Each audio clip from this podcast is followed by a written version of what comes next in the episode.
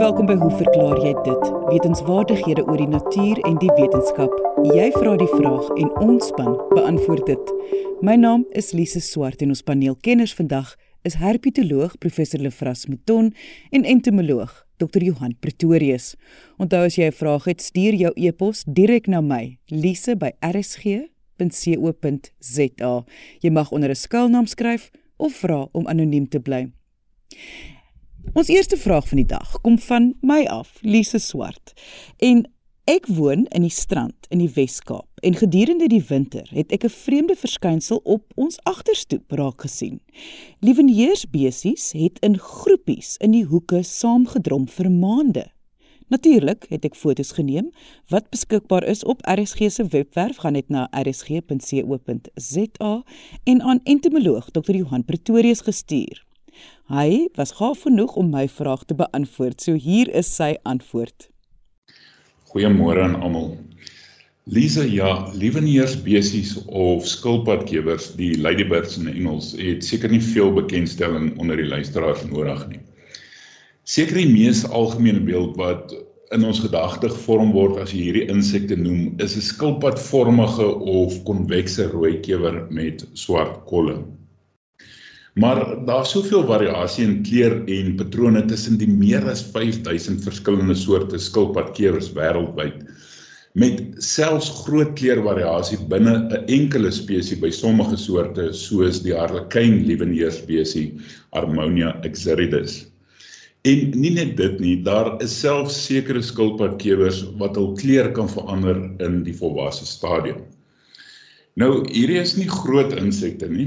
Hulle varieer vanaf omtrent 'n half millimeter tot ongeveer 1 cm lank.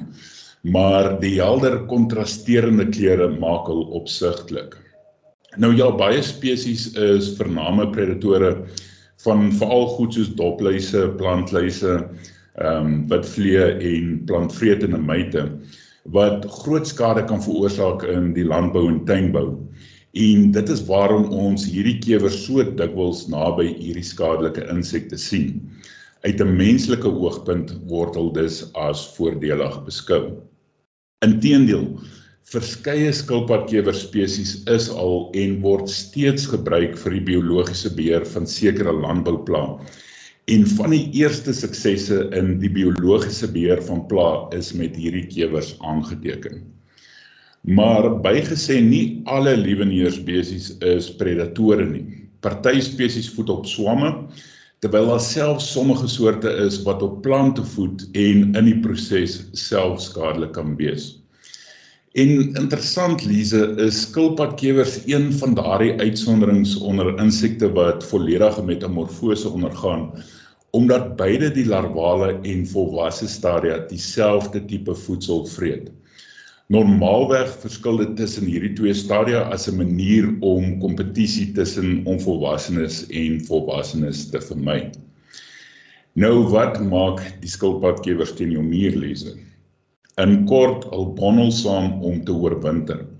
'n Aanpassing wat ons sal help om ongunstige tye in 'n dormante toestand te oorleef.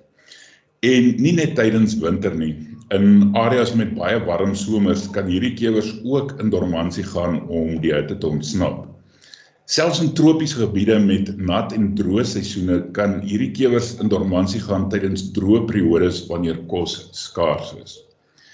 Nou baie skilpadkewersoorte oorwinter as volwassenes wat beteken dat hulle vanaf hul voedingsareas na geskikte oorwinteringsareas moet beweeg wat soms etlike kilometers kan wees. En hierdie oorwinteringsareas sluit in plekke met 'n geskikte mikroklimaat en waar daar voldoende beskerming teen die elemente is. Het sy dit nou in klipskeure, ehm um, onder boombas, klippe of blare, in graspolle of selfs in ons huise en teen ander strukture is.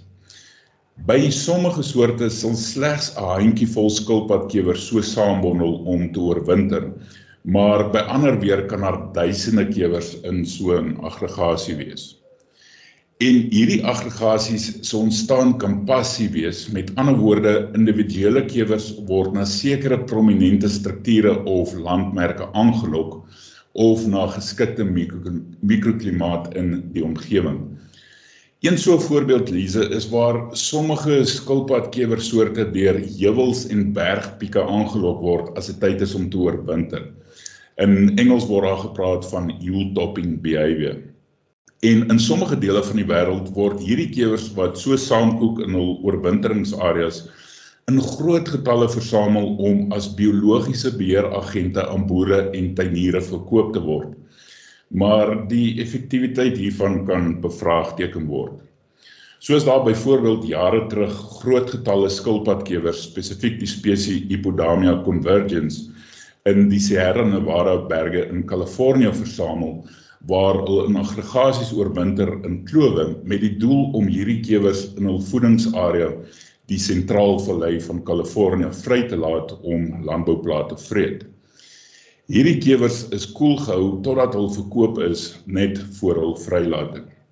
Daar's egte waargeneem dat sodra die losgelate kewers begin opwarm en tot hul sinne kom, hul dadelik wegvlieg. Moontlik omdat hulle onder die indruk is dat hulle steeds in die berge is en nou na hul voedingsareas moet versprei. Ek kan my net indink hoe die produsente verstom gestaan en toe kyk het hoe hul beleggings wegvlieg. Verder is daar ook bewyse dat afgesien van visuele landmerke, skilpadkewers ook nie vlugtige verbindings gebruik in die vorming van hierdie aggregasies. Met ander woorde, die kewers ryk mekaar uit om saam te bondel. Maar terug na jou waarneming Lise. Die spesifieke spesies wat jy afgeneem het, staan in die wetenskap bekend as Hippodamia variegata, die Adonis lieveneer spesies. En dit is 'n voordelige en algemene skilpadkewer wat inheems is tot Eurasië, maar wat al op verskeie kontinente gevind kan word waar dit dikwels opsetlik vrygelaat is vir die bestryding van skadelike insekte. Alreeds in 1960 het die skilpadkewerkenner Ivo Houdek aangedui dat hierdie spesifieke spesies individueel of in klein groepe van 'n paar individue oorwinter net soos in Lise se foto kan sien en gereeld in die teenwoordigheid van ander skilpadkewer spesies. Nou die kontrasterende kleure van skilpadkewers dien as 'n duidelike waarskuwing vir predatore dat hulle chemies beskerm en onsmaaklik is. Dit is dus moontlik dat die saambondel gedrag hierdie boodskap verder versterk vir ekstra beskerming teen parasiete en predatore. Maar 'n moontlike nadeel van hierdie aggregasies is dat dit die verspreiding van siektes kan verhoog, byvoorbeeld entomopatogeniese fungi.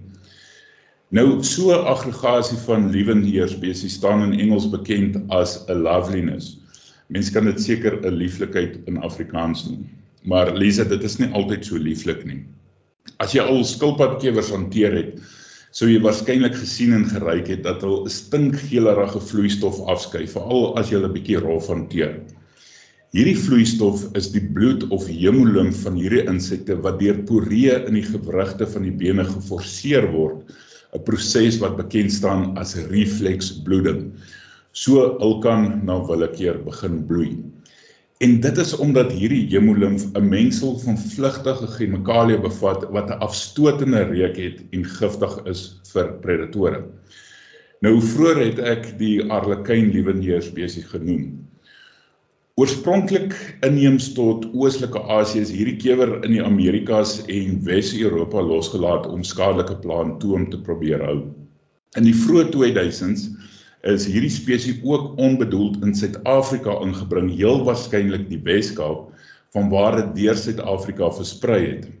Ek self het hierdie spesies in 2009 opgemerk in die Sentraal Vrystaat.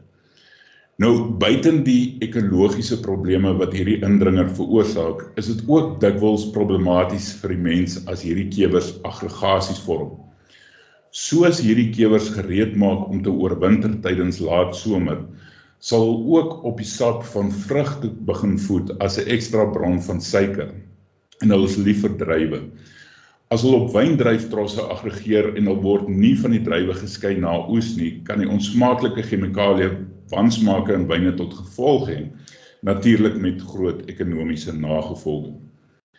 Nog 'n probleem is dat hierdie kewers lief is daarvoor om in huise te oorwinter, veral in wêrelddele met koue winters. As sulke aggregasies versteur word, refleksbloei al in groot getalle, dit stink en vlek gordyne, mure, meubels en wat nog. Sommige mense kan selfs 'n allergiese reaksie ontwikkel teen hierdie aggregasies en hierdie kewers is boonop ook giftig vir troeteldiere. So Lise, dankie vir jou foto en hopelik beantwoord dit jou vraag. En dit was entomoloog Dr. Johan Pretorius. Onthou as jy 'n vraag het, stuur jou e-pos direk na my, Lise by rsg.co.za. Jy kan natuurlik ook deur RSG se webwerf jou vraag stuur. Gaan net na www.rsg.co.za.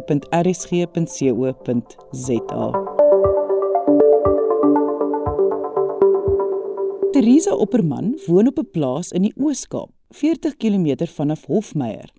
Sy het die volgende vraag oor die lewensiklus van wat sy noem modderpaddatjies. Sy het ook 'n foto van die paddatjies ingestuur wat beskikbaar is op RSG se webwerf. Haar vraag is: Hoe is dit moontlik dat hulle bykans onmiddellik na 'n reënby oral te siene is? Waar bly hulle wanneer daar nie reën is nie? Hoe gebeur dit dat hulle altyd na enige reënby dadelik verskyn, maar tog deurgangs dieselfde grootte is. Hoekom is modderpaddatjies verskillende kleure? Afhangend van uit watter area hulle kom, is dit verskillende paddatjies. Ons het in areas met rooi skalie, rooi paddatjies opgewerk. Waar daar gras is, is hulle groen en waar daar leemgrond is, is hulle bruin. Word hulle groot paddas? Waarvan leef hulle en hoe oorleef hulle in tye van langdurige droogtes? Hoekom verskyn hulle so vinnig waar daar byvoorbeeld insekte is? As dit snags begin reën, verskyn hulle baie gou in die ligkring van die veiligheidsligte. Sou hulle al op daardie grootte insekte eet? Maak hulle 'n geluid of eers wanneer hulle groter is? Herpetoloog professor Lefras Meton gaan al Teresa se vrae beantwoord. Kom ons begin eers by die identifikasie van die paddatjie uh wat uh Teresa vir ons 'n foto van gestuur het. Dit is die gewone blikslaanertjie, Cacosternum boetkerai, een van 11 blikslaanertjie soorte wat in Suidelike Afrika voorkom. Nou die roep van hierdie paddatjie gee vir 'n mens 'n idee waar die naam blikslaanertjie vandaan kom. Dit klink so. Piep piep piep piep piep.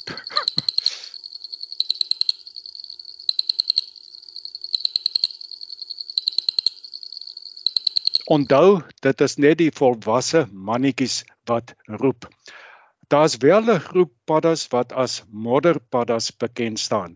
Die Engelse naam is paddle frogs. Dis nou die genus Phrynopetragus. Ons kry vier soorte van hulle in Suidelike Afrika waarvan een die snorkmodderpadda moontlik in die Hofmeyer omgewing kan voorkom. Nou sy roep klink weer so kwak kwak kwak.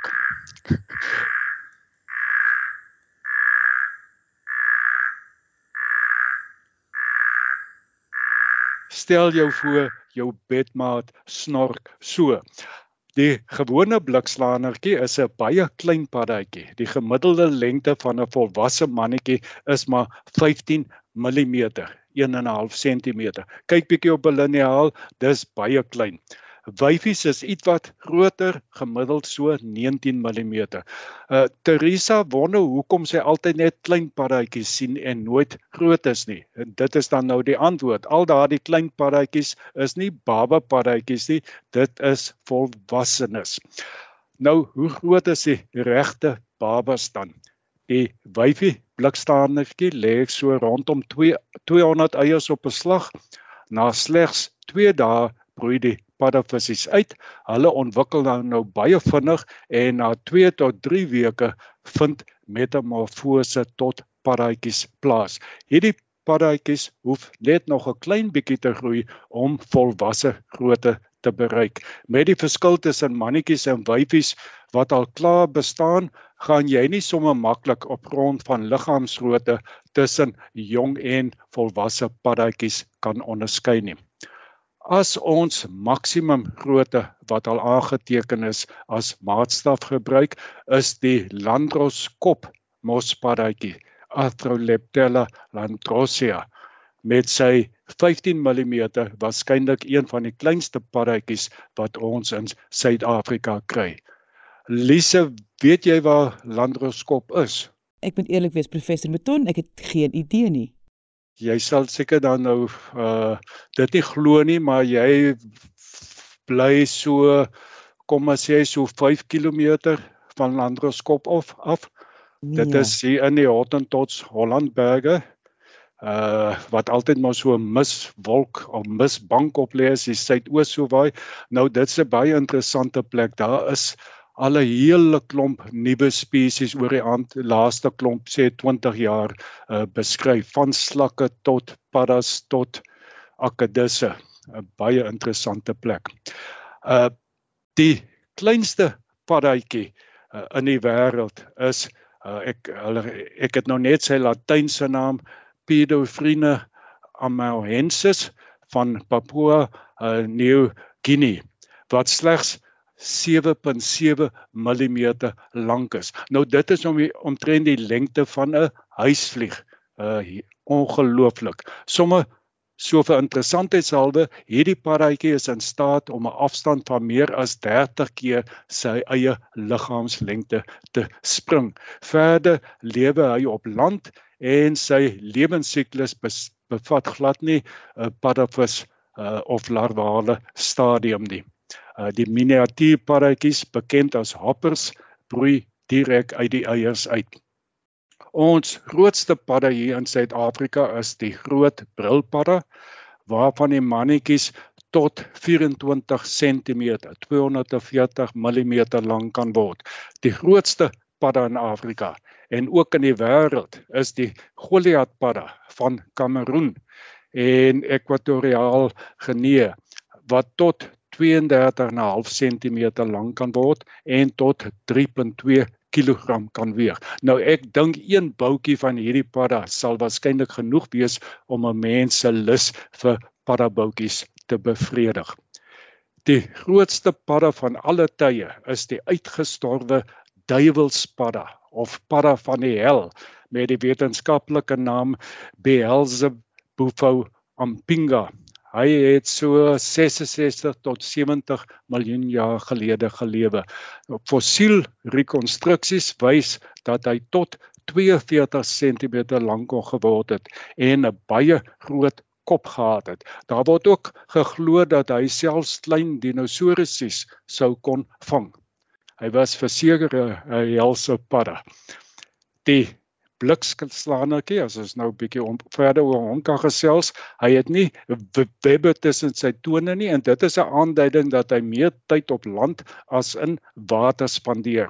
Sy gunsteling habitat is oop veld met kort plante groei, veral grasveld waarin hulle dan nou in groot getalle kan voorkom gedurende die dag en ook tydens lange tye van ongunstige toestande skuil hulle in graspolle, onder klippe, in tonnels van ander diere, uitgediende termietneste en so meer. En tydens reën kan hulle dan nou in groot getalle verskyn om op insekte te voed wat ook met die reën hul verskyning maak. Termiete vir alles hulle gunsteling prooi. En ek weet hulle speel ook 'n eh, die die paddatjies 'n groot rol in die beheer van muskietpla. In die algemeen kan paddas se uiterste toestande soos some droë toestande in winterreënvalstreke en winterdroë toestande in somerreënvalstreke asook uitgerekte droogtes oorleef deur drastiese verlaging van hulle metabooliese tempos om energiereserwes te spaar. Skuilplekke met lae suurstofvlakke is veral geskik omdat dit verlaging van metabooliese tempo aanwakker. Nou sulke skuilplekke met beperkte lugvloei uit die aard van die saak verloog ag verlaag ook waterverlies deur die vel. Teresa paddas of hulle nou klein is of groot is, hulle is almal karnivore met insekte en ander ongewerveldes as hulle primêre prooi. Grote soorte kan ook klein werveldierprooi benut. Paddevisse daarenteen is herbivore, hulle is planteters en dit is dat, dat, dat dan nou 'n groot voordeel uh van 'n larvale stadium in die lewensiklus. Hulle gebruik 'n voedselbron wat nie deur die volwasse paddas benut word nie en daar is dus geen kompetisie tussen die twee lewensstadia nie.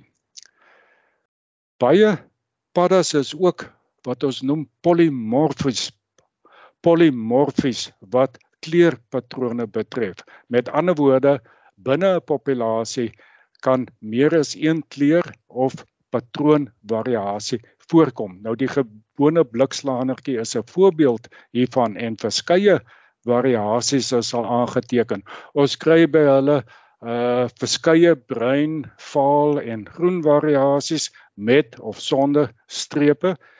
In die algemeen blyk polimorfisme by paddas voordelig te wees in habitatte wat seisonale kleurverandering ondergaan. In wintergrasveld in 'n somerreënvalgebied sal 'n bruin of vaal kleur beter kamouflering teen roofdiere bied terwyl in somergrasveld groen variasies weer beter beskerming sal verleen.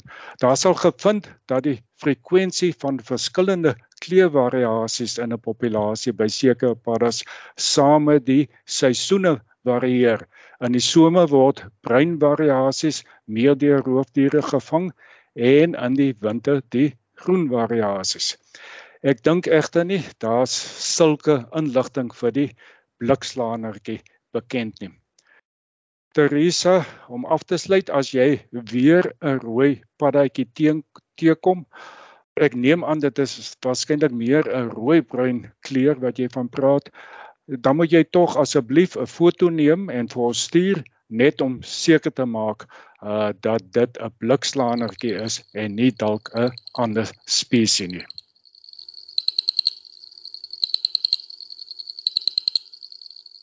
En dit was herpetoloog professor Lefras Meton en die blikslaanertjie. Onthou as jy 'n vraag het, stuur jou e-pos direk vir my, lise@rsg.co.za. Jy mag onder 'n skuilnaam skryf of vra om anoniem te bly. Ek sê baie dankie aan ons kenners en vraagstellers vandag. Onthou om altyd nuuskierig te bly en vra te vra. Tot volgende week hier op RSG saam met my, Lise Swart. Totsiens.